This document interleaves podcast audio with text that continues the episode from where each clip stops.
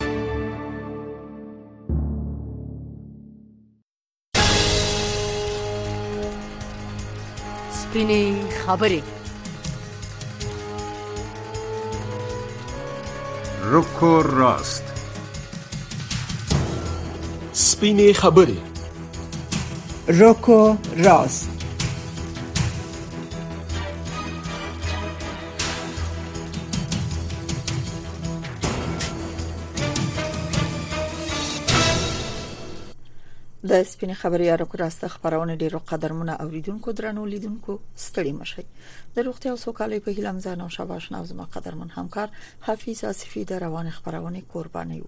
قدرمن اوریدونکو بیا هم د مهمه مسلې یا مهمه موضوع په حق له د ملمنو نظر پر روان خبرونه کې اخلو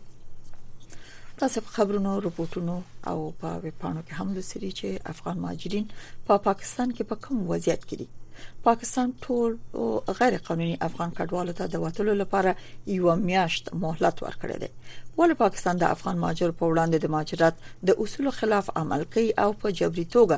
افغانان له هواده باسي او مهلت ورته ټاکي آیا دا امکان لري کنه په هواد کې د نن څومره شرایط د دوی بیرته ستنېدو ته برابر دي او همدارنګه نور ورته پښتنه چې ملګرو ملتونو به رول په دې برخه کې څه دی او څه کول شي نو دا د روان خبرونه د باس موضوع ده ملمانه به درته درو پیژنو او سره نور تړلې موضوعګان هم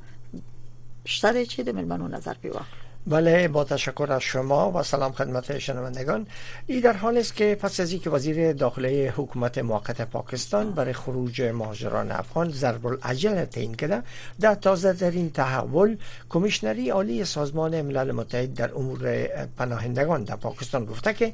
بازگشت باید داوطلبانه و بدون هیچ گونه فشار باید باشن آیا چنین چیزی امکان پذیر است دی با مهمانان محترم در این مورد صحبت میکنیم ما قبل از اینکه مهمانان را خدمت شما معرفی کنیم با نواشنا بریم سراغ خبرها بالکل سمان. بله تازه ترین خبرهای افغانستان منطقه و جهان نمیشنیم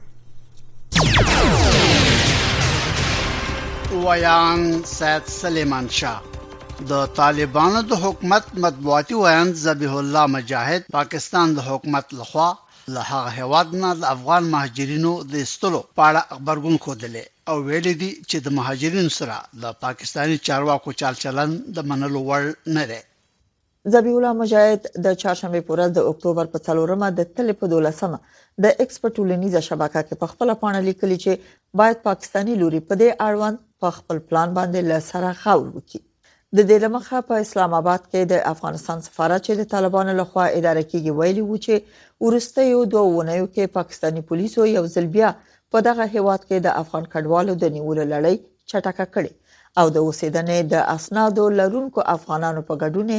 له زرو زیات کډوال نیولي او په زندانونو کې اچولي دي په تیرو دوه ونیو کې په اسلام آباد او شاوخوا سیمو کې چې اکثریت اسناد لرونکو افغان کډوال پکې میشتي د هغوی پر استوګنځایونو د ورځې او شپې لخوا عملیات تر سره کیږي چې تر دا مهاله زر تنه چې نیمایي د مهاجرت یا سفر اسناد هم لري د سی ټي ډي پولیسو لخوا نیول شوی دي د پاکستان سرپرست صدر اعظم انور الحق کاکړ د افغان مهاجرینو د شړلو پلان سه شنبه د اکتوبر په دریمه د کابینې د لوړې کچې په غونډه کې چې د هغه هیواد لوړپوړو نظامی او ملکی چارواکو پکې برخه اخیسته و منزور کړ نو شاباشنا امریکا غاک واشنګټن. د افغانستان لپاره د اروپایي ټولنې ځانګړي استازي ټامس نیکلسن ویلي چې د طالبانو د حکومت لخوا د هغو افغانانو نیول غیر قانوني دي چې د نوموړي په وینا له خپل حقوقو نه دفاع کوي نوموړي دا غبرګون وروسته له هغې وښوده چې طالبانو په افغانستان کې د ښځو د حقوقو او د مدني ټولنو یو شمېر فعالان ونیول دا واشنګټن دی نړیوال بانک په یوې وروستۍ ارزونې کې چې نن د چهارشنبې په ورځ د تلې په دولسمه په واشنګټن کې خپره شوې ویلي چې سږکال به د افغانستان اقتصادي وده د صفر په شاوخوا کې څرخي. د دې ارزونې پر اساس د افغانستان د اقتصاد وده د دوه زره یوویشت میلادي کال له اګست نه وروسته پنځه ویشت په سلو کې کمه شوه چې د هغه هېواد ټول سکټورونه یې اغېزمن کړي دي.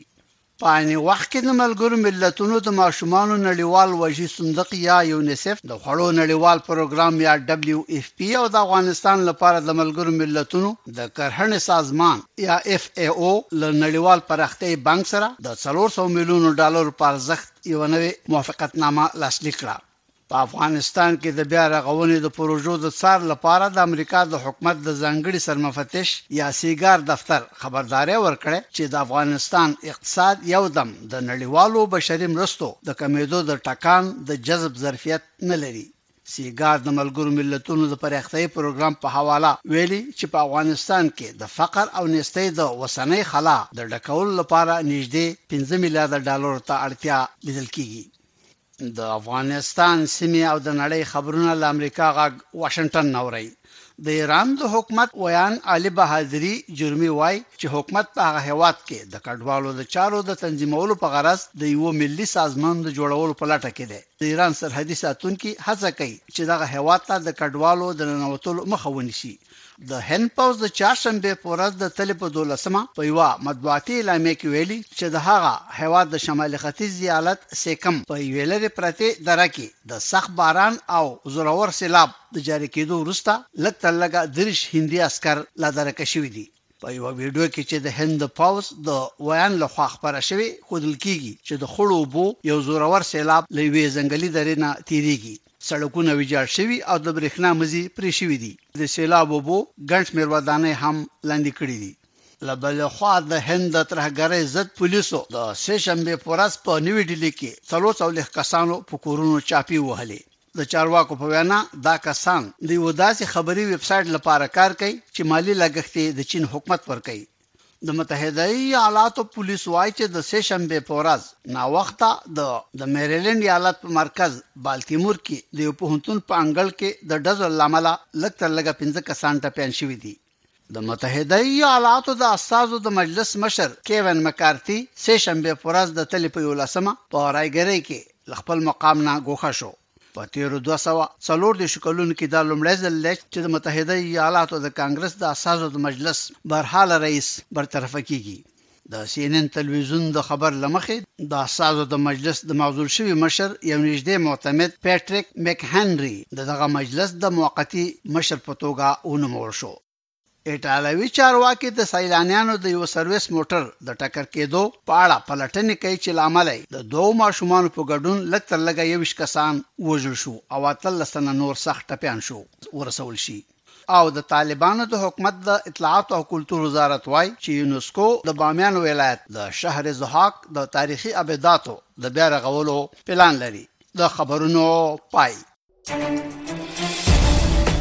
متضاد اړخونه، بېلابېل دریځونه. د مسکو فارمټ غونډې په نهایي اعلامیه کې داسې ویل شوي دي چې طالبان باید نماینده نظام جوړ کړي او د اقلیتونو ته یې سهم ورکړي او د تروریزم سره مبارزه چټکه کی آیا دا ټول ستونزې د طالبانو په کنټرول افغانستان کې اوس وخت موجود دي کنه دي د سپیناوي تود مخامخ بحث او په اخر کې قضاوت ستاسو په داسې یو حالت کې قرار لري چې یو خو په رسمیت نه دی پیژندل شوی او بل طرف ته د ولس حمایت او ملاتړ نه لري چې هغه ته مسابقه ده په اوکرين کې چې څوک به د طالبانو خوا تر لاسه کوي یو خبر څوک به آیا دلته نوې جبهه په ضد روسانو خلاصيږي که نه خلاصيږي دا یم هایل د هرې جمعې په ورځ د افغانستان په وخت د ماخام ونیمونه تر اته بجو پورې د امریکا غږ د سټلایټ لارې په ژوندۍ بڼه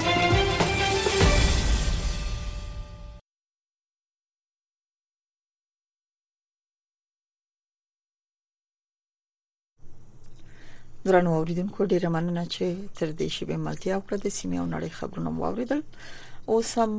مېرمانه درته د پیژنو او په یاد موضوع چې په پا پاکستان کې د ماجرینو د وضعیت څرنګواله ده په همدې باندې مېرمنو نظر واخلو قدرمن مېرمانه چې په خبرونه کې په پښتنې جواب کې عبدالحمید جلیلی په خیبر پښتونخوا کې د افغانستان قونسلګری د ماجرینو په خوانه آتشه او همدارنګه لیکوال او خبريال سید حشمت الله وجداني چې همدا شیبه په پاکستان کې اوسېږي او د ماغزینه یعنی اوس په پاکستان کې میشته د ماغزینه به موږ سره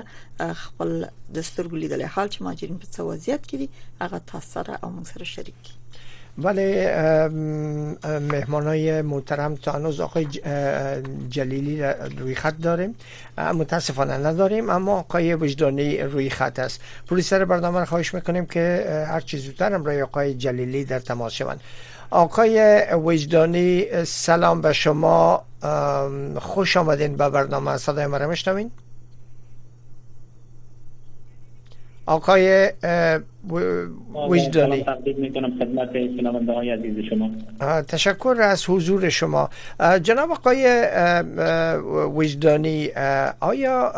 در چنین شرایطی که گفته میشه که سرپرست صدارت پاکستان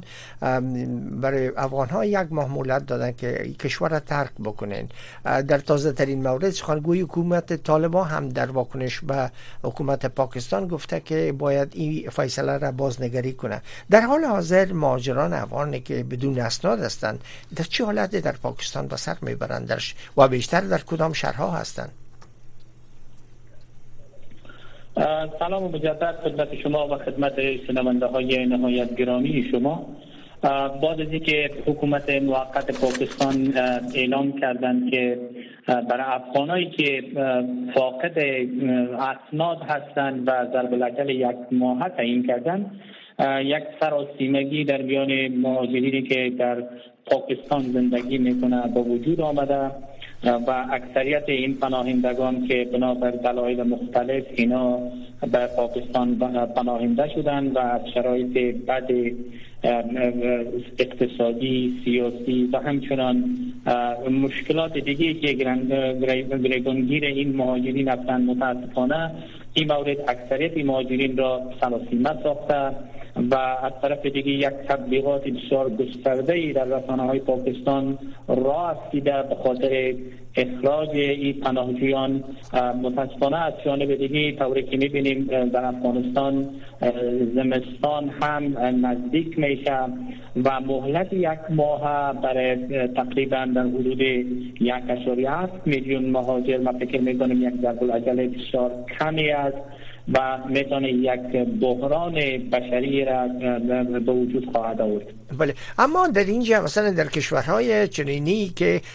ماجران بدون اسناد هستند کمیشنری عالی پناهندگان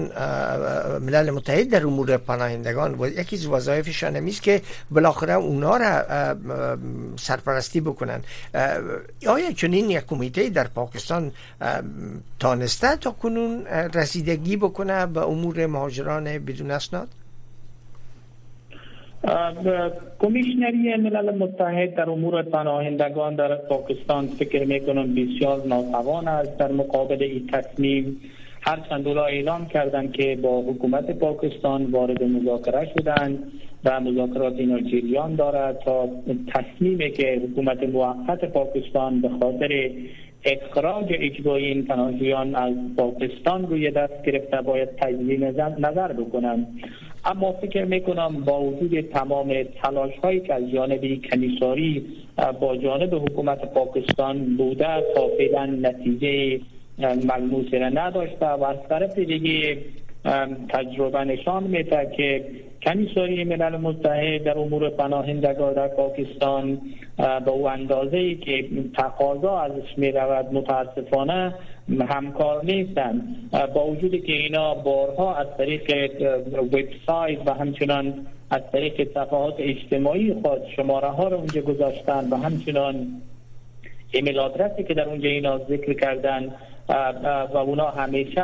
اعلام میکنن که در صورت مواجه شدن با کدام مشکل جدی شما میتونید به این شماره ها تماس بگیرید اما متاسفانه بعضی اوقات در شرایطی که نیاز باشند اینا پاسخگو نیستند بنابراین من فکر می کنم که کمیساری عالی ملل متحد در این عاجز است ناتوان است اگر اونا بارها از, از حکومت پاکستان خواستند و تقاضا کردند که برگشت پناهجویان افغان از پاک پاکستان نباید اجباری باشه اما دیروز بعد از فیصله کابینه حکومت پاکستان تصمیم بر این شد که باید این فراجویان در مدت یک ماه خاک پاکستان را ترک بکنند در غیر صورت دولت پاکستان مجبور خواهد بود که اینا را به صورت جبری از پاکستان اخراج بکنند و به افغانستان انتقال بدن تشکر خواهی وجدانی ډیره مننه وجداني صاحب ګورو به چې جلیل صاحب موږ سره اوس په لاين کې دی کنه دی مخکې موږ سره په لاين کې ول بعد مرغه اړیکه قطع شو خدای دې وکړي چې دا ځل زما غاګوري جلیل صاحب زما غاګوري خا لبد مرغه تر اوسه پورې موږ سره په لاين کې نه دی خو دا وجداني صاحب نه په پښتنه مطرح کوي وجداني صاحب ولې پاکستان په دومره عجله غواړي چې افغانان وزیو ماجرا د اصول خلاف د سیو عمل کوي تاسو خو عمل ته استي مطبوعاتم تعقیبوي ماجرینو سره خبرې کوي علت د دې ساس په نظر سره به جلیل صاحب نام علت وپوښتو زه فکر کوم چې پاکستان څو ځلې کله چې د طالبان حکومت په افغانستان کې راغله نو دوی ډېر توقعات د طالبان نه درلوده او بل خوا ته چې کله فکر کو کله چې د طالبانو حکومت په افغانستان کې راوځي په خپل منځ کې ډیر خوشحال وو او طالبان ته تبریکی ورک نو هغه نه پس ورځ تر بل د دوی روابط مخ په تنګړیدو شو او دا موضوع باعث شو چې څو ځلې د پاکستان دولت ادعا کول چې کوم کسان د پاکستان خاورې نه افغانستان ته راځي ترهګری عملیاتو کې دوی لاس لري تاسو وګورئ د پاکستان داخله وزارت هغه وایي چې د جنوري نه تر اوسه پورې څلور ویشت حمل حملې شوې دي په پاکستان کې چې سوال لږ پسند کې افغانان دي دي ترڅنګ دوی وایي چې په زنه قاچاق او اندغه د ډالر په قاچاق او نور مورد کې افغانان ښکیل دي نو بل خو نه چې موږ تاسو ګورو تاسو ګورئ کله چې حکومت سقوط شو نو ډیر افغانان بهرني هیوادونه تم لاړو لکه اروپا ته لاړو امریکا ته لاړو مونږ هیڅ شاهد نه لرو چه یو افغان هم دلته د په هغه هیوادو کې یو دسی جرم یې کړی وی چه هغه رسنیو کې ورباندې تبصره وشی نو دغه موضوعات معلومیږی چه زه فکر کوم چه دا هغه یو تبلیغ به وی او دا یو د لار وی چه افغانان په هر شکل اوسی د پاکستان د خاوری نه دوی وباسی نو ضرب الاجل چه دوی ورته ټاکلی دی یو میاشتنی ضرب الاجل دا ډیر کم وخت ده پکار دی د پاکستان د اولاد دی موضوع پر باندې باید تایید نه نظر وکړي چې چیرې غواړي چې افغانان وباسي دا دا لګ ورته وخت نور هم وټاکي ولې چې جمع هم روان دي په افغانستان کې او هغه بنسټونه چې د مهاجرینو په اړه په افغانستان کې همکاري کوي پیسې ورکوي یا حداقل ابتدایي معیشت لپاره دوی ته ځنې شیان ورکوي او توان نه د جګ دی ولې دا افغانان ډیر روان دي افغانستان ته ډیر مننه وجداني صاحب جلیلی صاحب تاسو زما غږ اورئ ستړی مشي نه اورم تاسو ستړي مشه سلامونه تاسو تاسو اوریدونکو او مننه چې بلنه منلې ده جلیلی صاحب تاسو د ماجرینو د افغان ماجرینو د پر په پا پاکستان کې د سفارت د د شی په صفت ډیر وخت تل تیر کړی د ماجرینو قضیه شتون الته د پاکستان د حکومت چلندوی سره تاسو په دې برخه کې د کار سابقه لرئ ولې پاکستان د سیو ضرب الجل افغانانو ته تعین ک چې د افغانستان وضعیت هم ضرور نه دی چې زه بیان کوم تاسو پوهیږئ چې شرایط الته څه ډول دي د دې علت څه شي دی تاسو معلومه ده چې د مهاجرینو چې قبلول خصوصا په ایران او پاکستان کې دا لومړی هم د سیاسي ګټو د سیاسي بیس په اساس مونږ او ټول نړیوال هم هغه وخت کې د حمایت کو سره دي چې پاکستان حکومت په 1951 کې هغه کنوانسیون د مهاجرین د مهاجرتونو نه دی امضا کړی ځان ملزم نه غني چې باید مهاجرین قبول کړي لیکن په تیر 50 کالو کې پاکستان حکومت د نړیوالو سره د مغه کنوانسیونونو په اساس باندې یو تعامل کړی چې نه دی امضا کړی خو په مختلفو وختونو کې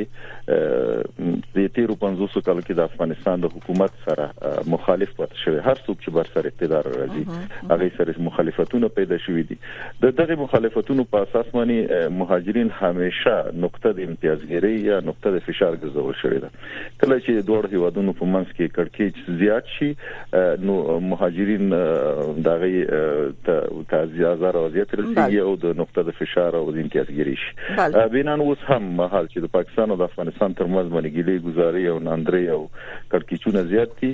زه فکر کوم چې دا د نقطه فشار نقطه ده خو هیڅ امکان نه لري چې په دغه دوم لند وخت کې اتلس لک مهاجرین افغانستان ته ستانه شي مننه جلیلی صاحب زما پوښتنه جواب کړ چې آیا امکان لري چې په یو میاشت کې د پاکستان د غوښتنه تر سره شي په صورت دا چې به عقوبت بس کیږي په دې باندې سنه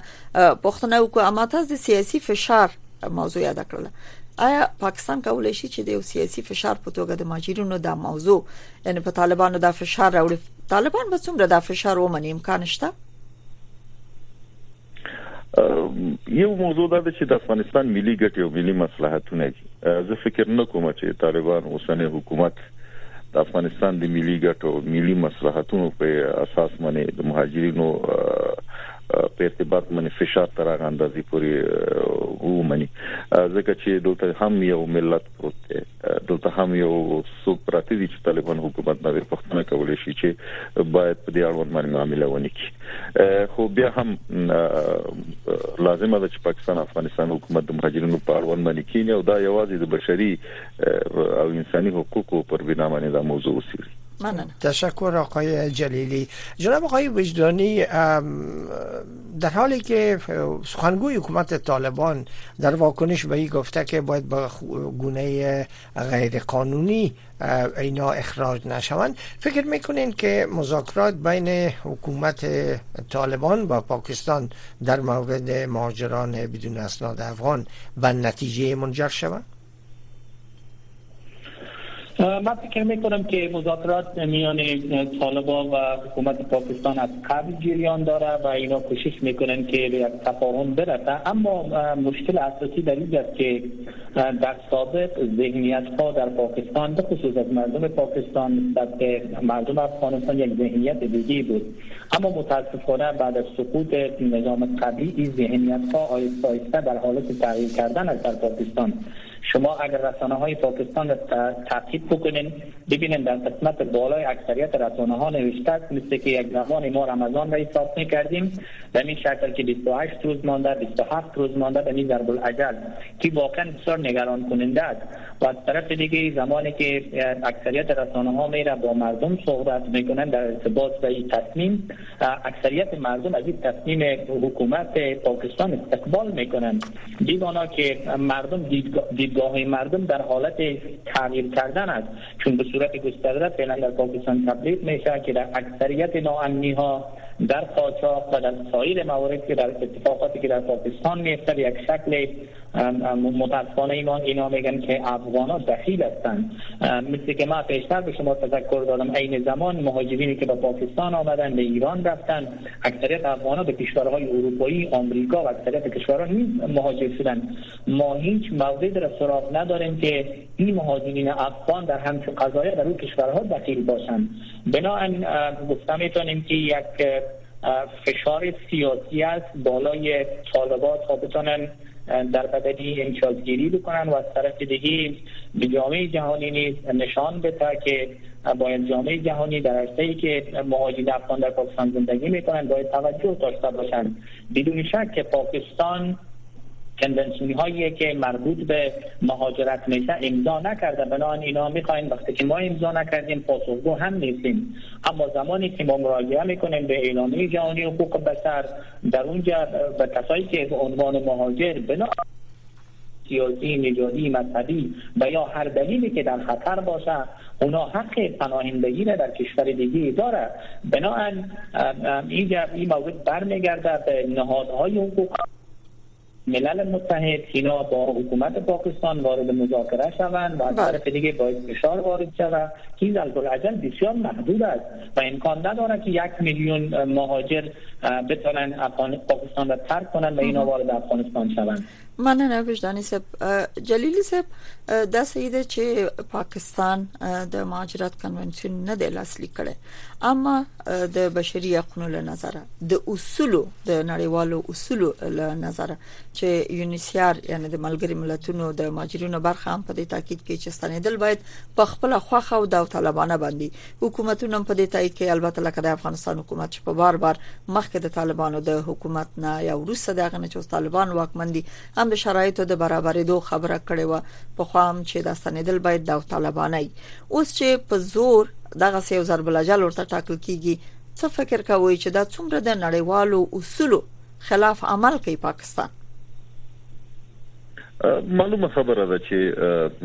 دا د نړیوال او د بشري حقوقو او سازمانونو د اصولو په اساس باندې دا هیڅ نشته دی چې مهاجرین په زور د یو هیواد نه بل هیواد ته وشړل شي او هغه لاړ شي خو په دې حق لمانه د پاکستان حکومت خپل دلایل لري او هغه دلایل دا دي چې مونږ حتی د جمهوریت جمهوریت د حکومت سره او د غینې روسه د طالبانو د حکومت سره چې مونږ مذاکرات کړی دي مذاکرات په وختو کې مونږ غوښتي چې باید د مهاجرین افغانستان ته لاړ شي خو اوس چې نقطه د فشار راغلي ده بیا هم دې خبرې ته زرازمه شي پاکستان حکومت هم په دې پوهیږي چې دا امکان نه لري چې په دغه محدود وخت کې ټول مهاجرین افغانستان ته لاړ شي بلکې بیا هم هم لکه په خوا غوندي چې د امتیازګری او د فشار نقطې په اساس باندې مهاجرین استعمال شوي دي دا ځل که افغانستان حکومت د سره کې نو خپل مسایل کی نو دا مسله به بیا ته همغه عادي جلیلی صاحب اوسم چې اوسم چې دغه رقم افغانان الته زورول کیږي چې د مرګ تر سرحد دی ګواخل کیږي چې پرون هم له بده مرغه په پاکستان کې د افغانستان سفارت هم د 15 تنو مړینه تایید کړې و چې ماجرین په وهلو ډبولو د پاکستان د پولیسو لخوا دوی وژل شوې دي تر دې سرحد پورې دوی په زندانونو کې اچول شوې دي تر دې سرحد پورې تهدید د افغانانو آیا دا بیا هم د نړیوال امتیاز ترلاسه کولو په خاطر دی او که په طالبانو باندې نهایی فشار دی چې ځنې غوښتنې د پاکستان د حکومت نه دی منلي د کې زه فکر کوم چې په نړیواله باندې د فشار موضوع دومره مطرح نه وي زیاته چې څومره مطرح ده د افغانستان په اوسنی چارواکو باندې ده چې ترڅو دوی مجبور کړي چې یو څه غوښتنې د پاکستان حکومت ومني ومني جناب آقای جلیلی چی چیز پاکستان از طالبان میخواهد که به اصطلاح از مهاجران با ابزار به عنوان ابزار فشار استفاده میکنه در بدل نگاه کردن مهاجران اگر اونا پاکستان قبول کنن چه چی چیزی را از طالبان اونا تقاضا دارن که طالبان برآورده کنن تاسو ته معلومه تیرو څو میاشتو نه پاکستان حکومت په مسلسل ډول افغانستان حکومت په دې تورنوي چې هغه ټي ټي پی ته ځای ورکړی دی او د پاکستان حکومت مخالفین ته ځای ورکړی دی یو تعداد افغانان یا یو تعداد طالبان چې د دې په اصطلاح باندې یعنی د پاکستان حکومت په اصطلاح باندې هغه د ټي ټي پی سره یو ځای په داخل د پاکستان کې په عملیاتونو کې ګډون کوي او هغه کې نیول شوی هم دي او حتی یو استعداد په هغه کې وژل شوی هم دي خو مسلسل افغانستان حکومت په هغه باندې انکار کوي خو بیا بل مقابل پاکستان حکومت دا وایي چې افغانستان حکومت مون سره سیاسي لوبي کوي بنان همدغه موضوع ده چې پاکستان حکومت شاید د دې په مقابل کې د ټي ټي پی په ارتباط مانی او د پاکستان د حکومت د مخالفینو په ارتباط مانی سیم امتیازات وغواړي تشکر آقای جلیلی مننه تاسو نه کوم ودان وجداني صاحب تاسو څه نظر لري آیا تاسو چې د ماجرینو په منځ کې هستئ افغان ماجرینو خپل هم د هغه جملې نه خبره هم داسې ده د ماجرینو ترمنځ تفسیری څه دي دوی څه وي کم قشر ډیر د ضربې لاندې دی د وهلو ټکولو لاندې دي او د استلو د ګواخ سره مخ دي کومه ډله ماجرین دي هغه مهاجرین چې اوس په پاکستان کې ژوند کوي په دې کې دغسې مهاجرین هم دي چې دوی د ورځې کار کوي او د شپې هغه نه هغه ځان ته په کیمپو کې اوسي او په دې کې دغسې مهاجرین هم شته چې هغوی کله چې جمهوري نظام سقوط وکړي پاکستان ته کډوال شو د مختلفو عواملو پر اساس باندې نو اقتصادي ستونزې لري هغه په ډیر وخت کې په داس ورستیو کې د پاکستان حکومت کې ځخواني ولسوي دي دا ماجرین په من کې تاسو قانوني موضوع کا تاسو په میډیا باندې لیدلې تقریبا 800 کسان نیول شوی وو په اسلام آباد کې په دې کې څلور سوه کسان د کسان هم وو چې هغوی پیو آر کارډ درلود د دوی بیرته خوشې کو او پاکستان حکومت اعلان پنځه اویا کسان چې دوی سره اسناد نه وو دوی به بیرته افغانستان ته ولیږل شي او پنځه ویشت کسان د تحقیق تر لاندې دي نو په پاکستان کې اوس هغه کسان چې رسمي او قانوني هم حق لري او هغه سره کیو آر کارت ای ټي سي کارت دی نو هغه هم د تحقیق او پوښتنې لاندې دي او هغه هم کله کله نیول کیږي نو بیا بیرته خوشې کیږي. کوم کسان چې په مهاجرینو کې اسناد نه لري تر څو چې زوی له دوی سره په اړیکه کې هم دوی د شپې هم خوب نه لري او د ورځې هم د ډار شپې ورځې سبا کوي. نو دلته یو اصلي موضوع او مهم موضوع دا ده چې په دغه مهاجرینو کې دغسې کسان هم دي چې هلته په افغانستان کې هغوی ته د ژوند زمینه نه ده مساعد. که چیرې دوی ونیول شي او بیرته افغانستان ته ولېږل شي نو د دوی آینده به څه کیږي دا یو بل موضوع ده او دوی وایي چې کله موږ د ویزې تمدید لپاره یا نوې ویزې لپاره کله چې موږ درخواست ورکړی دی یا اپلای مو کړی دی د دوی ویزې هم ریجکټ کیږي او ویزه هم ورته نه ورکول کیږي نو زه فکر کوم چې دغه ټول موضوعات یو تر بل سره ارتباط لري او ډیر په سیستماتیک ډول دغه موضوع باندې دلته کار را روان دی تر څو وکولای شي هغه غوښتنې چې دوی د حاکم نظام چې په افغانستان کې دي هغه نه وغواړي او دا غوښتنې ور باندې ومني بله، بله. تاسو وجدانی آقای وجدانی آیا خب فشارها بالای مهاجران افغانی که بیشتر بدون اسناد هستند یا کسایی که آمدن که منتظر هستند تا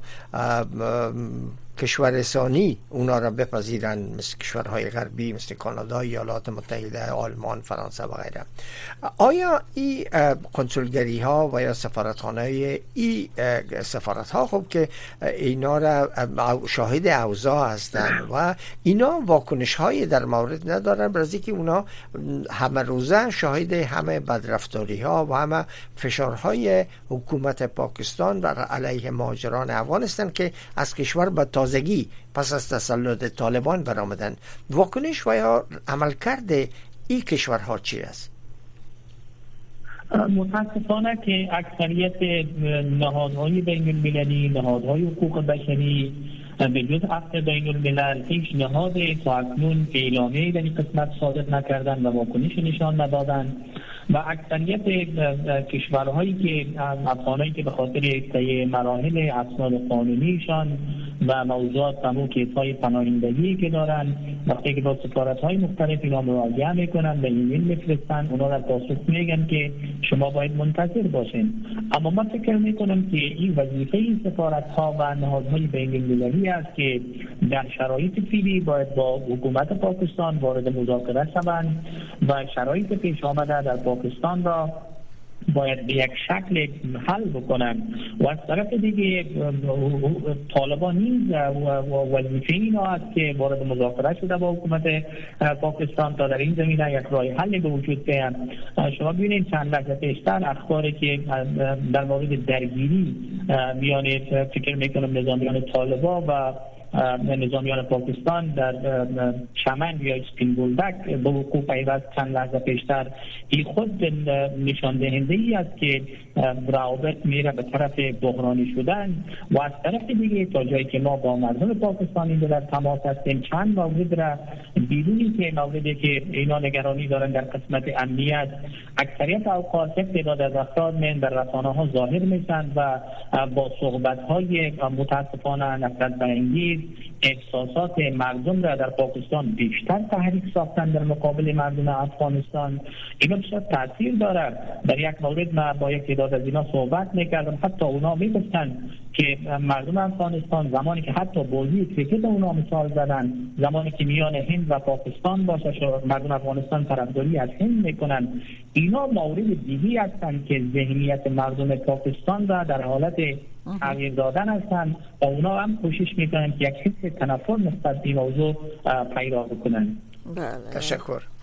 مننه تاسو نه جلیلی صاحب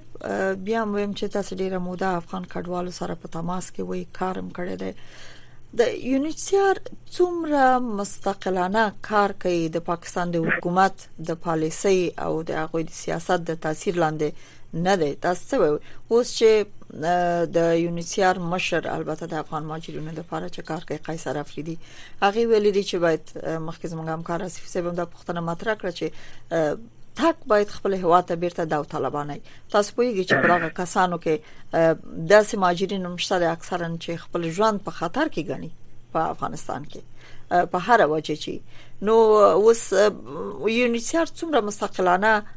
کار کوي او څومره موثریت شته د اثر رسوخ څومره شته د کار چې پاکستان حکومت خبره ومني زه غواړم دې پوښتنې په ځواب کې وړه مقدمه ولرم مهرباني دا چې په پاکستان کې څو ډول مهاجرین میشتي او د سکونت لري یو هغه ډول دي چې هغه پی او آر کټونه لري چې سوار لس لکه مهاجرین دي یو هغه ډول مهاجرین دي چې په 2014 کې اتلسم کې من افغانستان حکومت او پاکستان پاکستان حکومت ثبت او راجستر کړ چې هغه د ای سی سی کارتونو لرونکي دي چې هغه نیم لکه خوشه دا غي تعداد دي پاکستان حکومت بل سروې لري چې دا غي سروې په اساس باندې په هغه وخت کې 15 لکه مهاجرین داسې وو چې هغه هیڅ ډول کا اسناد نه لرودل همدارنګه پاکستان حکومت اوسنی سروې چې دا هغه د چې د 2020 د اگست 15 مې نه روسته تقریبا تر شپږ لکه مهاجرین دلته راغلي یونیسیار یوازې په عملی ډول پریکټیکل ډول هغه مهاجرین چې پی او آر لري هغه په نسبت ارتباط باندې ځان مسؤل ګڼي او هغه د خاطر د شارت ادارې لخوا وکیلان هم نیولي دا کومه کټګوري ده ډیرو بخې دا پی او آر کومه کټګوري مهاجرین دي هغه مهاجرین دي چې د یونیسیار لخوا نه ورته کارتونه ورکړل شوي دي چې هغه سوار لس لکه مهاجرین دي دا غي په ارتباط باندې ځان ملزم ګړي او عملا پریکټیکل دا غي په ارتباط باندې برنامه او هغه په ارتباط دا غي د کار اهمیت موجود دی لیکن دا نور مهاجرین چې په دې اړه باندې یوازې تر اعلامیه پورې محدود ده موضوع تر اوسه پورې داسې جدي اقدامات د هیڅ ډول بنللي اداراتو له خوا نه دی شوی چې دغه مهاجرینو د حقوق تضمین به کې موجود بله کوم یونیچار د کوم مهاجرین قابل د قبول دي چې هغه ته کارت ورکي مهاجر مهاجر د مثلا سید چې کټګوري به سیاسي قبول دي یا نور په ټوله دنیا کې یا د بشري موضوعاتو کې دوی پناوړي دغه کټګوریا نشته ده اما یونیچار څنګه دا کټګوري تعینوي ما تاسو ته مخکې مې ویل چې دغه تعداد چې کم ډول هغه د پی آر کارت هولډرز دی هغه ته ورکړی شوی دی هغه ته ځان ملزم غني دا نور په ارتباط باندې سم ملاحظات لري دا غي ملاحظات تقریبا لیست به ډیر وګوري چې زه تاسو ته وایم یو دا چې د یونیسیار د د مهاجرینو د کینونسونو یا پروتوکولات کې دا دی چې افغان هغه مهاجرین نشي خپل هیواد ته لاړ شي خو د افغانستان د مهاجرینو سره یو استثنایی حالات دی که تاسو معلومه په تورخم کې ودرېږئ ډیر کارت مهاجرین د پاکستان نه راوړي او دلته خپل هیواد ته راځي او په خپل هیواد کې خپل د کورونو کرایي اخلي یا یو تعداد په دولت کې کار کوي همدارنګه د خپل دکانونو کرایي اخلي او بیرته ځي نو دا څه قسم مهاجر شو چې افغانستان ته راتلم شي او په داخل د پاکستان کې به ځان مهاجر غني نو تر اوسه پورې په هغه ډول مهاجرینو تفکیک ډیر کم شوی دی چې هغه رښتیا هم په افغانستان کې مشکل مشکل لري بینان یونیسیار په دې حق لباندې چې د 2021 د 15 د اگست نه روسه یو تعداد مهاجرین ته رفیوجیز کارډونه ورکړي دي پرته د د پیو آر کارډونو نه دغه مهاجرینو په ارتباط هم ځان ملزم غني لیکن د دې په کټګوري کې او یا د دې د هغه رولز په حساب باندې تر اوسه پورې هغه مهاجرینو ویریفیکیشن نه دی شوی چې دی ته هغه مهاجر په صفت معنی او د اصول په اساس معنی هغه ته معرفي وي او د استقلالیت موضوع څنګه د کار دا خو طبي خبره ده چې په استقلالیت کې هر هیواد کې چې یونیسیار وي دغه هیواد ځینې قوانين به مني او پاکستان حکومت د یونیسیار سره د تعامل ډیره لوی او اوږده تجربه لري بنا هغه کولای شي چې خپل سره رسوخ په یونیسیار باندې داسې مینه چی داسې مهندسي کې فکر کوم چې په دې اړوند په دې اړوند باندې د یونیسیار موقف په داخل د پاکستان کې لږ کمزوري تشکر جناب آقای جلیلی آقای پیشدانی در لحظه که ما طرف استودیو می آمدم یکی از همکاران می خبر دیگر برام دادن که کسایی که ویزیشان در پاکستان در حال تمام شدن است اینا باید دوباره ویزه خود تمدید کنن یا پس بگردن و دوباره برن به افغانستان و حکومت پاکستان 800 دلار از هر نفر میخواهد برای که اونا بتونن دوباره به افغانستان برن این مسائل چقدر واقعیت داره چقدر به یک نوع باجگیری حکومت پاکستان بالای ماجرایی که دارای اسناد دارای ویزه هستند هم ایجاد شدن کسایی که ویزیشان تمام شده و اینا به خاطر تمدید ویزا دوباره درخواست دادن اما بنا به مشکلاتی که بوده ای ویزه تمدید نشده و از میعاد معینی که بوده وقت اونا سپری شده باز این ای افراد ای کتگوری افراد شامل جریمه میشن بله. باید جریمه بپردازن که در یک سال در حدود 400 دلار است بناهن زمانی که اینا دوباره مراجعه میکنن به خاطر خارج شدن از پاکستان نیاز به امو برگی خروجی یا اگزیت پرمیت میگن بله. زمانی که یک شخص امو پول یا جریمه را پرداخت نکنند باز او اگزت پرمیت را اینا نمیتونن به دست بیارن بدون شک یکی از موردی است که اکثریت مهاجرینی که در این زندگی میکنه با این چالش روبرو هستند مسئله بسیار بزرگ است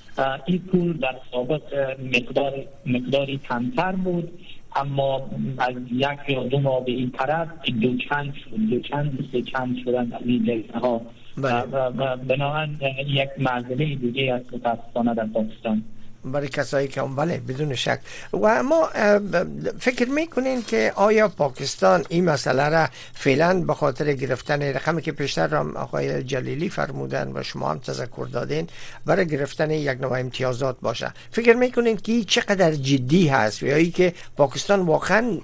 با وجودی که میفهمه که چون این چیز امکان نداره بر تصمیم و فیصله خود استوار است ببینید قبل از اینکه سرما بپردازیم موضوع ما یک مورد دیگه را اشاره میکنم بعد میام به سوال شما بله. اکثریت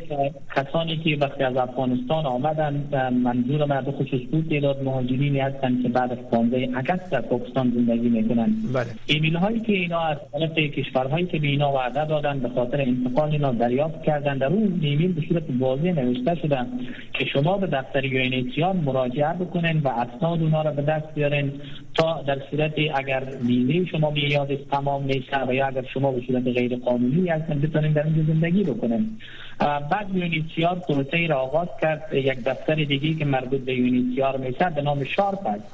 وقتی شما اونجا مراجعه میکنین اونا بر شما وقت میده در اونجا هم فساد اداری وجود داره بنان در اون وقت معین زمانی که شما مراجعه میکنین برای شما یک ورق میدن تحت نام توکن شارپ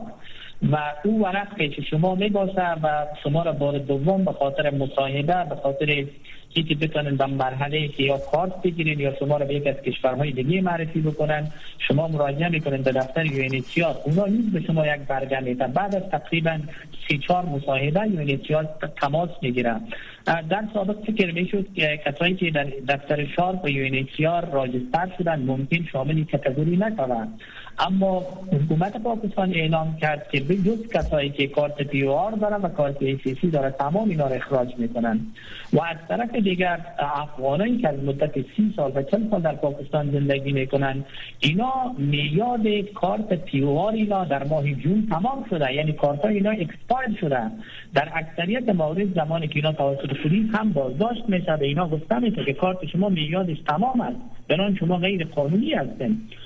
بنابراین متاسفانه که چالش هایی را به وجود از طرف دیگه آیی که امکان داره این تعداد افراد در جریان یک ماه از پاکستان اخراج شد و یا و این تصمیم بعدی است اما ذهنیت هایی که در اینجا وجود دارند مثلا وزیر داخل پاکستان آمد به صراحت اعلان که در طریق مطبوعات آن از پاکستانی هایی که به افغان ها خانه دادن کرا اونا هم مجرم هستند بنا یک تعداد از کسایی که در خانه های زندگی می کنند اونا پیام از طرف سایگان خانه دریافت کردند که شما هر چیز زودتر خانه های ما را تخلیه بکنید بنا این احرام فشار است که برای مهاجرین وارد شده و از طرف دیگه اینا آمدن گفتن ما یک هلپلاین یا یک شماره را در اختیار مردم قرار میدیم هر کسی که در مورد موقعیت مهاجرین افغان به ما اطلاع بدن در مقابل اطلاع با وجودی که نام اینا حفظ یک مقدار جایزه نیز دریافت میکنن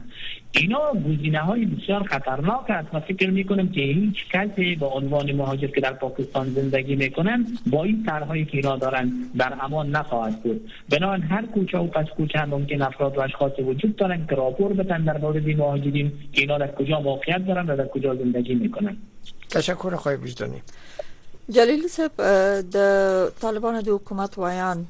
یعنی د طالبانو حکومت په ټوله کې غوښتنه کړې د پاکستان نه چې د دغه ټاکلي ضرب الاجل په اړه کړه د سره غورو کې دغه پلان چې دوی سنجولې دي او که څوک په داوطلبانه شکل خپل وطن ته بیرته ستنیږي باید دوی ته وخت ورکړل شي پاکستان باول څومره دغه غوښتنه ومني غیر د غینه کچیرته وضعیت په دې شکل دوام وکي او افغان ماجر چې خپل ژوند په خطر کې ګوري په افغانستان کې بیرته راستانه نشي نړیواله ټولنه په دې برخه کې څه وکي آیا د دوی د ژوند د حفظ لپاره اقدام کولای شي کنه بل دا چې پاکستان حکومت ویل دي چې کچیرته دغه یو میاشت مولت چې ټاکل شوی دی افغان ماجر ونوزي نو دوی به د چټک استلو د عملیات پایل کی بیا هم دغه چټک استلو عملیات دا به څه تاسو په نظر او د طالبانو د پاکستان اړیکې به څنګه ګوري په دې کې مهمه ده چې د پاکستان افغانستان د حکومت اوسنی حکومت موقف وارزول شي یو موضوع دویم دا ده چې د نړیوالو موقف او هغه په کوم موقف کې افغانستان حکومت اوس کولای شي چې یعنی هغه ته دوه ګزینې دي چې مجبور دي چې دوه ګزینو په اساس باندې خبرې کوي یو دا چې د خګاونډي توپ په اعتبار چې ته دا موضوع د پاکستان حکومت سره مطرح کیږي نو خو ګاونډیتوب موضوع دو جانبه راځي بنا تاسو معلومه ده چې پاکستان حکومت به د دغه مقابل کې سي امتیازات لري لکه څنګه چې ما مخکې ذکر کاو تاسو ته ویلي او په افغانستان حکومت نه خپل مشخص غوښتنې لري چې ایا د افغانستان حکومت د ښه ګاونډیتوب په اساس ماني که چېرته پاکستان حکومت هغې نه څه مشخصې غوښتنې مطرح کړي ایا د پوره کولو توان یې لري یا نه لري، مني یې یا نه مني، دا نو اوږد بحث دی. بنان فکر کوم چې دغه موضوع هم اوږدو ناسته د افغانستان او د پاکستان حکومت حکومت ته ضرورت لري دویم موقف دا دی چې چیرته افغانستان حکومت د بشري حقوقو حقوقو او همدارنګه د نړیوالو کنوانسیونونو یادونه کوي او په ځنګړي ډول باندې د بشري حقوقو نو پاره کې به هم یو ساند د افغانستان حکومت موقف زکه ضعیف وي چې افغانستان حکومت کې چیرته د بشري حقوقو غوښتنه کوي نو پاکستان حکومت ته ورته وایي چې دا خلک چې تقریبا تاسو نه راغلي دي دا ټول د همدغه شکایات کوي چې افغانستان کې سیاسي حقوق نشته دی افغانستان کې بشري حقوق نشته دی افغانستان کې دا بیا هم لوی لیست راځي چې دا نشته دی چې خپل نه ورکه څنګه کولای شي چې معنی غوښتنه وکړي نو دا هم هغه مواقف دي چې د افغانستان حکومت په دې کې لګ تقریبا هغه موقف ضعیف وي جلیلی جلیلی صاحب ډیره بخنه غواړم وخت کم دی چې به وجداني صاحب نم نظر اخلو د طالبانو د حکومت دنده او مسولیت په دغه اساس وخت کې چې پاکستان هیڅ د نړیوالو اصولو خلاف چې اوس دغه غږ کړی دی دغه تعقیب کی او افغان ماجر تم دغه یو میاشت ټاکل ده په دې عملو کې او په دغه بیرحمانه شکل چې اوس وضعیت کې هم دې ته دوام ورکړي د طالبانو د حکومت مسولیت څه دی چې څه ډول شرایط باید عاجله توګه برابر کړي څه وکړي باید اوس مهال خو د طالبانو د حکومت موقف صحیح دی چې باید دغه مهاجرینو ته وخت ورکړی شي تر څو چې افغانستان حکومت وکولی شي چې د دغه مهاجرینو د ستنیدو په په صورت کې دیو ته اسانتیا وایي نه که پاکستان وخت ورنکي که پاکستان وخت ورنکي لیکن پاکستان حکومت هم په دې پویږي چې په دغه لنډه موده کې امکان نه لري چې دومره مهاجرین لاړ شي بیا هم دې نقطې ته راځم چې په خو هم دغه ډول معنی موضوعات اعلان شوي دي چې افغانانو ته یې تقریبا ډېر کم وختونه ورکړي دي، خو بیا وروسته د افغانستان د حکومت او د پاکستان د حکومت د مذاکراتو په اساس باندې یو نتیجې ته رسېدلي دي. بناً پر افغانستان حکومت د پخوانیو تجربو په اساس باندې کولای شي چې پاکستان حکومت سره کېني او په دې اساس باندې د یوې مشخصې طرحې او میکانیزم ورته وړاندې کړي چې د هغې مشخصې طرحې او د میکانیزم په اساس باندې په څومره وخت کې کولای شي چې دغه مهاجرین په خپل هېواد کې جلب او جذب جذب بنا تشکر آقای جلیلی آقای وجدانی بفرمایید دو دقیقه وقت دارین نظر شما و یکی آیا طالبان در حالی که هیچ بساس گزارش ها میشه که هیچ آدمای فنی و مسلکی در وزارت خانه نیستن میتونن چنین یک طرح مشخص ای را در زمینه به حکومت پاکستان پیشنهاد کنند سوال اول اینجا پیدا میتر که چرا این مردم مهاجر شدن چرا مردم رو آوردن که برن به پاکستان پناهنده شدن یک سوال بسیار مهم و اساسی است و از طرف دیگه این که جلیلی گفتن زمانی که اگر طالبا از طریق مورد حقوق بشری با, با پاکستان یا با جامعه جهانی وارد مذاکره نیستن در حالی که خودشان متهم به نقض حقوق بشری در افغانستان هستند بنابراین من فکر میکنم همیشه حکومت and four زمانی که در افغانستان آمده یک پالیسی یا یک میکانیزم مشخص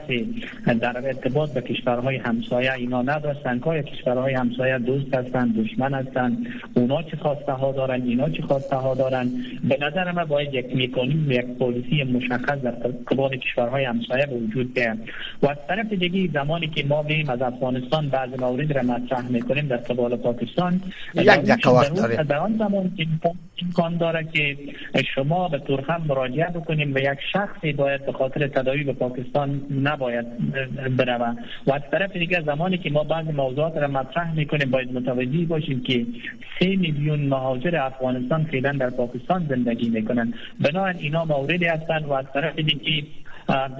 فقط خواسته های ما از جامعه جهانی و نهادهای حقوق بشر و کشورهای دخیل در, در, است که با پاکستان وارد مذاکره شوند و به خاطر حل چالش پیش آمده یک رای حل و معقولی را به وجود بیارند و در عبدالعجم یک ماه را باید بیشتر بسازند تا بتوانند مردم به صورت دوامدار بتوانند وارد افغانستان شوند اما فکر میکنم که با آمدن زمستان بسیار مشکل خواهد بود به نهایت تشکر آقای وجدانی از هر دو مهمان محترم آقای جلیلی و آقای وجدانی جان سپاس که در برنامه با ما بودند نظر خود با ما و شنوندگان قسمت کردند بله د دواړو درنو ملمنو نه په مننه د دوی د په مخه خشي کورې ودان چې په خبرونه کې خپل نظر څرګند کړ د سیمه او نړۍ د خبرونو د اوریدو وخت را رسیدلی دا اوریدونکو سره به په ګډه وورو بله بله سلام وقت شما بخیر رویا زمانی هستم با تقدیم مشروع خبرهای این ساعت حکومت طالبان میگوید که مهاجران افغان مقیم پاکستان هیچ ارتباط با ناامنی ها در آن کشور نداشته و نحوی برخورد با آنها غیر قابل پذیرش است زبی مجاهد سخنگوی حکومت طالبان بروچار شنبی در شبکه اجتماعی اکس خود نوشته است که اسلام باید در طرح اخراج مهاجران غیر قانونی افغان از خاک خود تجدید نظر کند حکومت پاکستان روز گذشته گفت که بیش از یک میلیون و هفتصد هزار مهاجر قانونی افغان در پاکستان زندگی می کنند و این افراد باید تا اول ماه نوامبر امسال پاکستان را ترک کنند در غیر آن به زور اخراج خواهند شد بیش از این سفارت افغانستان در اسلام آباد که تحت کنترل طالبان است از بازداشت صدها مهاجر افغان در شهرهای اسلام آباد و پین جنگی در روزهای اخیر خبر داد جبهه مخالف طالبان موسوم به جبهه مقاومت ملی افغانستان گزارش ها در مورد درخواست کمک از اسرائیل را رد کرده است پیش از این یک روزنامه اسرائیلی جروسلم پست روز سه شنبه سوم اکتبر گفت که احمد مسعود رهبر جبهه مقاومت ملی افغانستان با ماریف یک روزنامه دیگر چاپ اسرائیل گفته که در جنگ با طالبان از کمک هر کشور به شمول اسرائیل استقبال می کند اما جبهه زده طالبان امروز چهارشنبه در بیانیه در شبکه اجتماعی اکس اعلام کرد که با هیچ رسانه اسرائیلی گفتگو نکرده و گزارش ها در این مورد را شایعات بی اساس خوانده است بانک جهانی در گزارش اخیر خود پیش بینی کرده است که اقتصاد افغانستان در سال روان میلادی رشد نخواهد داشت که به گفته این نهاد مالی روی کرد سختگیرانه طالبان علیه زنان و دختران یکی از عوامل آن است بانک جهانی روز سه شنبه سوم اکتبر این گزارش را نشر کرده و گفته است که ادامه سیاست من تحصیل و اشتغال زنان توسط حکومت طالبان سبب افت بیشتر رشد اقتصادی افغانستان می شود گزارش بانک جهانی زیر نام ثبات سریعتر به دنبال ثباتی نشان می دهد که چگونه عقبگرد اقتصادی افغانستان بر همه بخشا تاثیر گذاشته است. خبرهای منطقه و جهان را از رادیو آشنا میشنوید کانادا میگوید که با وجود دستور خروج 41 دیپلمات کانادایی از هند توسط دهلی جدید کانادا حضور کامل دیپلماتیک خود را در هند حفظ می کند این تنش میان دو کشور بعد از کشته شدن یک رهبر جدایی طلب سیک در کانادا آغاز شد طبق یک مقاله که در روزنامه فیننشل تایمز به نشر رسید هند به کانادا تا دهم ماه اکتبر ضرب العجل تعیین کرده تا دیپلمات های خود را خارج کند وزیر خارجه کانادا دیروز بی گفت که کانادا خواهان صحبت با هند روی حل این محضل دیپلماتیک است ترکیه حدود یک هزار تن از اعضای حزب کارگران کردستان را دستگیر کرد جزئیات بیشتر را سحر عظیمی مشنوید این اقدام ترکیه روز سهشنبه سوم اکتبر پس از حمله روز یک شنبه در شهر انقره پایتخت آن کشور صورت گرفت که در نتیجه آن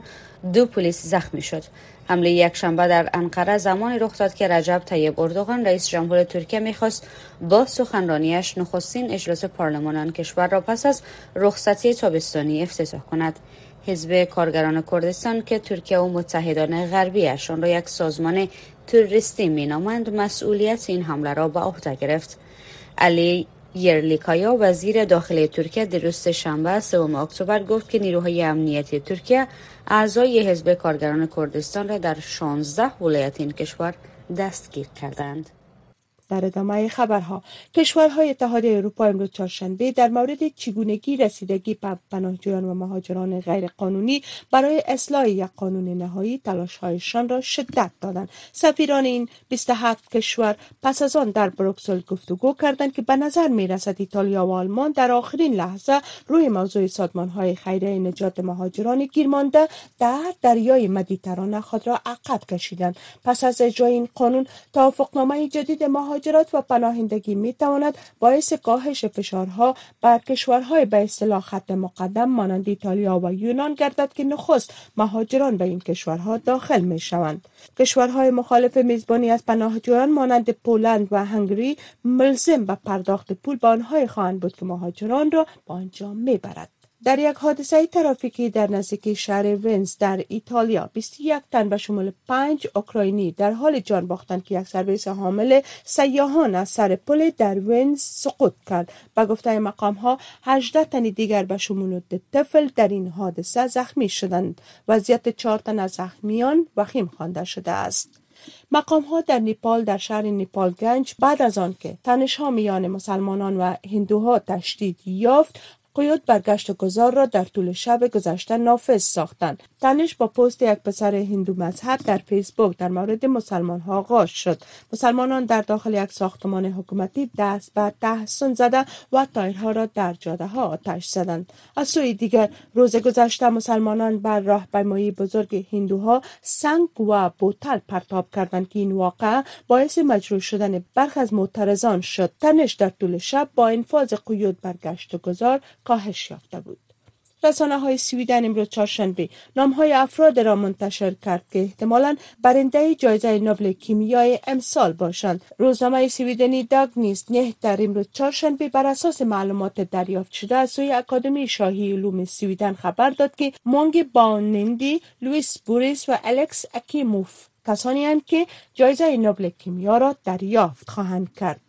و قرار است که رقابت های جام جهانی کرکت پنج برا فردا پنجم اکتبر در هند آغاز شود در این رقابت ها به شمول افغانستان استرالیا نیوزیلند هلند افریقای جنوبی انگلستان هند پاکستان بنگلادش و سریلانکا حضور دارند تیم افغانستان در نخستین رقابتش شنبه پیش رو هفتم اکتبر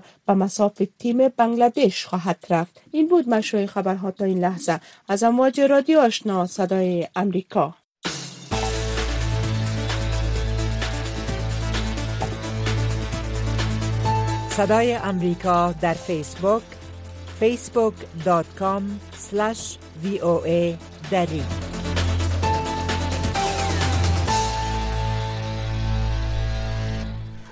درنو اوریدونکو ډیره مننه چې تر دې شیبې ملتیا وکړه د امریکا غږ آشنا رادیو نن د سیمې او نړۍ خبرونه واوریدل تاسو د درنو ملمنو نه مننه کوم چې